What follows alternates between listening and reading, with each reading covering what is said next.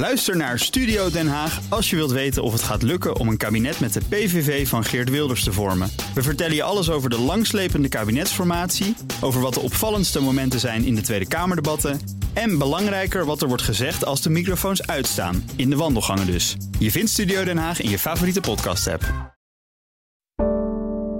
Een goedemorgen van het FD. Ik ben Paulien Swuster en het is donderdag 29 februari.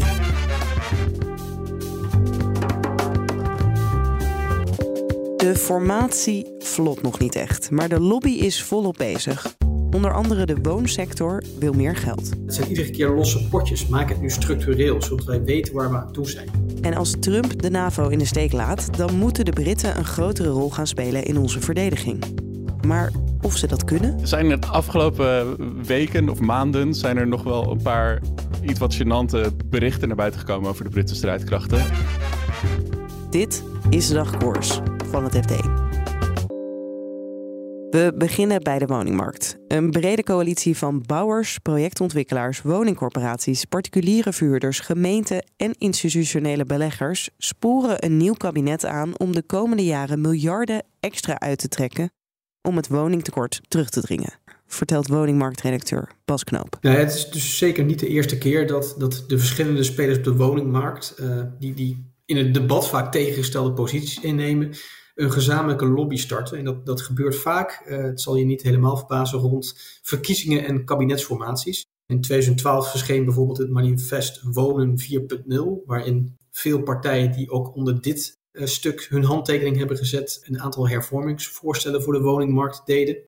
Uh, juni 2020 uh, riep de Woningalliantie de politiek ook al op om meer te investeren in de woningbouw. En vlak voor de verkiezingen van 2021 uh, verscheen de actieagenda Wonen. En ook daar waren uh, partijen die nu dit manifest hebben geschreven ook al de aanstichter van. En dus nu hebben we weer een nieuwe uitvoeringsagenda. En die valt midden in de kabinetsformatie, die nou ja, nog niet echt op gang gekomen is. Maar de lobby om, om het woningmarktbeleid aan te scherpen is dus al, ehm, al begonnen.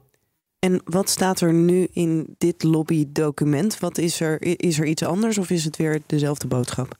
Het is grotendeels dezelfde boodschap. Uh, maar waar het hen nu om, om, gaat is vooral de uitvoering. Hè? Plannen maken is leuk, maar het moet nu om worden gezet in daden. En daar is uh, toch ook vooral veel meer geld voor nodig vanuit het Rijk. Partijen pleiten voor een structurele bijdrage van 3 tot 5 miljard euro per jaar tot en met 2030 dat, het, eh, dat een nieuw kabinet dus zou moeten bijdragen om uh, die tekorten op de woningmarkt te verhelpen.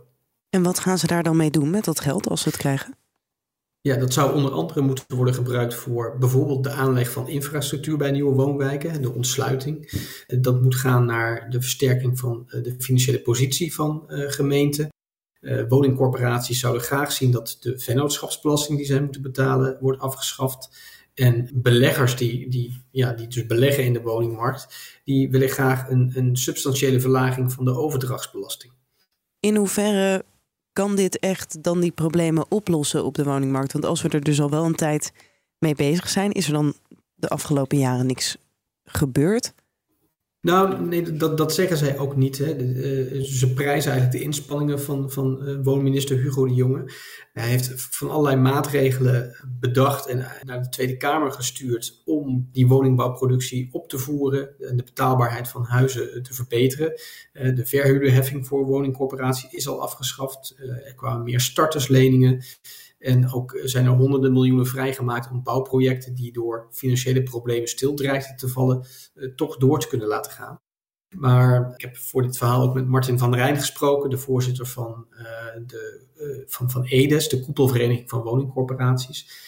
En die zegt van ja, het zijn iedere keer losse potjes. Maak het nu structureel, zodat wij weten waar we aan toe zijn. En als je kijkt naar, nou ja, hoe gaat het dan met die ambitie om in 2030 uh, 936.000 nieuwe woningen bij te bouwen? Ja, dan reizen daar toch wel twijfels over of die ambitie nog wel haalbaar is.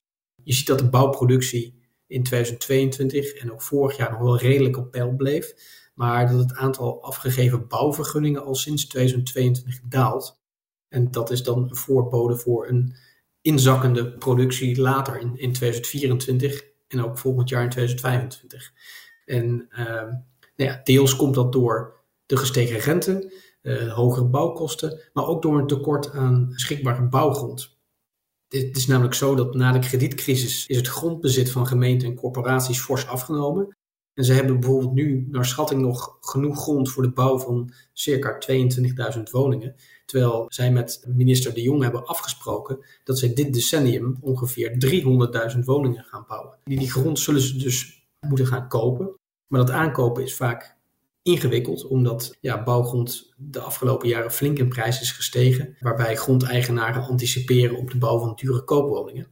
En ja, als een woningcorporatie op die grond dan juist goedkope huur- en koopwoningen wil gaan bouwen, dan is dat dus vaak niet rendabel. En ook daar wordt nu aangedrongen op maatregelen van, het, uh, van, een, van een nieuw kabinet. Uh, minister De Jonge heeft wel een aantal voorzetten al gedaan, afgelopen zomer. Uh, maar de uitvoering daar, daarvan laat hij over aan een nieuw kabinet. Hoe realistisch is het dan dat, nou ja, eerst maar politiek alle eisen worden ingewilligd en dan vervolgens dat het ook dan met dit extra geld wel gaat lukken om aan die ambitie te voldoen? Nee, dat is, is niet gezegd dat het dan wel gaat, gaat lukken. Het, het, uh, uh, dat, blijft een lastig verhaal. Het hangt dus ook deels samen met eh, die beschikbaarheid van grond, uh, maar ook met marktomstandigheden. Hè. Dus die, die 3 tot 5 miljard, dat is ook uh, afhankelijk van hoe de economie zich bijvoorbeeld gaat, uh, gaat, gaat ontwikkelen. En dan gaan we naar onze correspondent in Groot-Brittannië, Joost Dopper. Want stel dat Trump weer president wordt en de NAVO, zoals hij dreigt, de rug toekeert, dan komt de vraag op: kan misschien het Britse leger de plek innemen van de Amerikanen? Korte antwoord is: dat kan niemand, maar we moeten het toch doen met de landen die er zijn. En uh, wat opvallend is aan de Britten is A, dat ze na Amerika samen met Duitsland de grootste defensiebegroting hebben. En B ook dat ze het enige andere land zijn dat kernwapens onder de NAVO-vlag heeft ondergebracht. Fransen hebben uiteraard ook kernwapens, maar die zijn niet toebedeeld aan de NAVO. Een Amerikaans vertrek uit de NAVO zou zomaar van de een op andere dag de Britten de enige kernmacht in, in de NAVO maken. Dus linksom of rechtsom zullen de Britten toch een leidende rol moeten op zich gaan nemen. Dus vandaar dat het wel interessant is om te kijken hoe de Britse strijdkrachten er nou eigenlijk voor staan. En voordat we daarnaar kijken, zijn ze überhaupt bereid om een, nou ja, die rol kunnen ze niet helemaal op zich nemen, maar een grotere rol binnen de NAVO? Um, ja, de Britten zitten natuurlijk wel in de interessante positie dat ze, nou ja, na al die jaren van Brexit en ruzie met Europa, dat het niet helemaal um, soort van het beste moment is voor de Amerikanen om, om de NAVO de rug toe te keren. Um, na de Brexit hebben de Britten een aantal nieuwe veiligheidsstrategieën ontwikkeld. En die waren duidelijk geïnformeerd door de Brexit en door het, het zelfbeeld van de Britten als, als wereldmacht. Hè. Global Britain, dat was een van de slogans. In 2021 kwam er een nieuw defensiedocument onder uh, de regering van Boris Johnson, die het al nauwelijks had over Europa. Dus de Britten waren, waren bezig leek het, uh, om Europa uh, een beetje zich af te keren van Europa. Maar ja, toen gebeurde natuurlijk de Russische inval in Oekraïne en werd al vrij snel duidelijk dat dat helemaal niet kon. Dus afgelopen jaar is er weer een nieuw document bijgekomen. Dat is een soort van mix van de oude Global Britain ambitie en dan toch ook het realisme van hé, hey, maar eigenlijk gebeurt het allemaal in Europa. Maar het gevolg is dat de Britten dus een beetje in de rare positie zitten dat ze nog een beetje een wereldmacht zichzelf als een wereldmacht zien. Tegelijkertijd een te klein leger daarvoor hebben om dat wel werkelijk waar te kunnen maken ook wel zien dat de noodzaak ligt in Europa. Dus ze zijn langzaam maar zeker uh, zich weer helemaal op Europa aan het richten.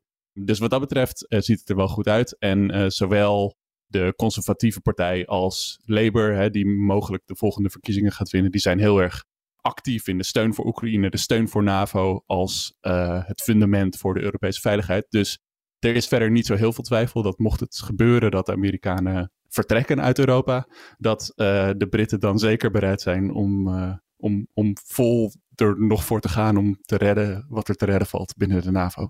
En dan is de volgende vraag: kunnen ze dat ook? Hoe staan ze ervoor? Ja, um, er zijn de afgelopen weken of maanden zijn er nog wel een paar uh, iets wat gênante berichten naar buiten gekomen over de Britse strijdkrachten nieuwste nieuws is dat afgelopen maand hebben ze geprobeerd om uh, hun kernwapen te testen. Nou, dat doen de Britten bijna nooit. Vorige keer was in 2016, de keer daarvoor was in 2012. En het plan was om vanaf een onderzeeër zo'n raket af te schieten en hem duizenden kilometers verderop in de Atlantische Oceaan te laten landen. Maar um, dat liep helemaal mis. Die raket die viel uiteindelijk vlak bij de onderzeeër in zee, dus hij kwam nauwelijks van zijn plek. En de vorige keer in 2016 was het ook al fout gegaan. Dus um, nou ja, wat we daarvan moeten denken, dat uh, het schijnt allemaal door eenmalige omstandigheden te zijn veroorzaakt. En niet per se aan de Britse capaciteiten te liggen. Um, maar het is niet heel erg hoopgevend. En we hadden vorig jaar ook al dat er een nieuwe Britse vliegdekschip. Ze hebben twee grote nieuwe vliegdekschepen. Die zou mee gaan doen aan een oefening in, uh, volgens mij uit de kust van Noorwegen. Maar um, het bleek dat die, uh, dat die niet kon varen, omdat er een probleem was met de, met de schroefas.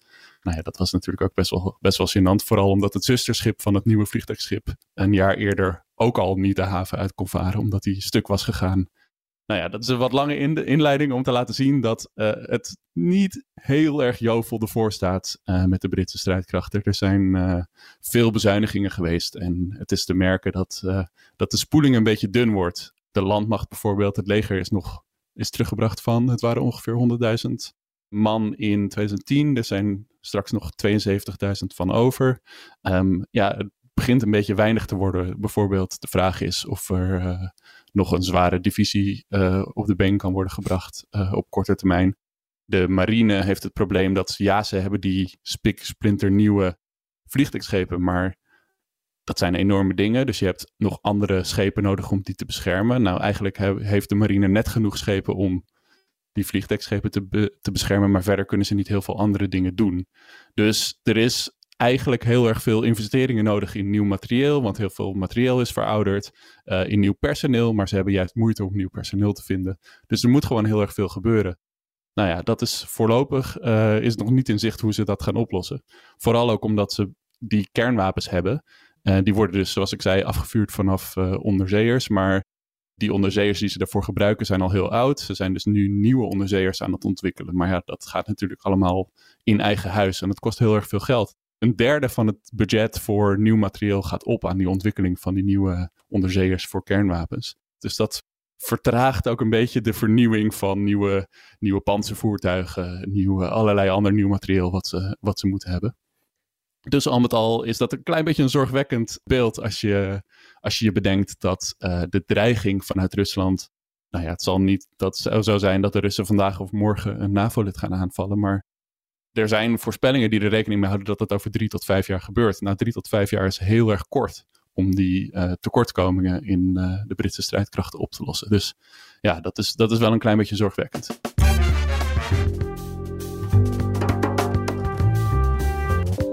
Dit was de dagkoers van het FD. Morgenochtend zijn we er weer met een nieuwe aflevering. Als je in je podcast-app abonneert op dagkoers, dan krijg je die automatisch binnen. Voor nu nog een hele fijne dag en graag tot morgen.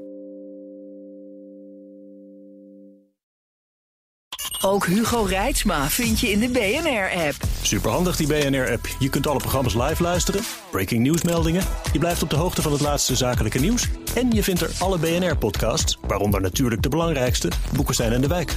Download nu de gratis BNR-app en blijf scherp.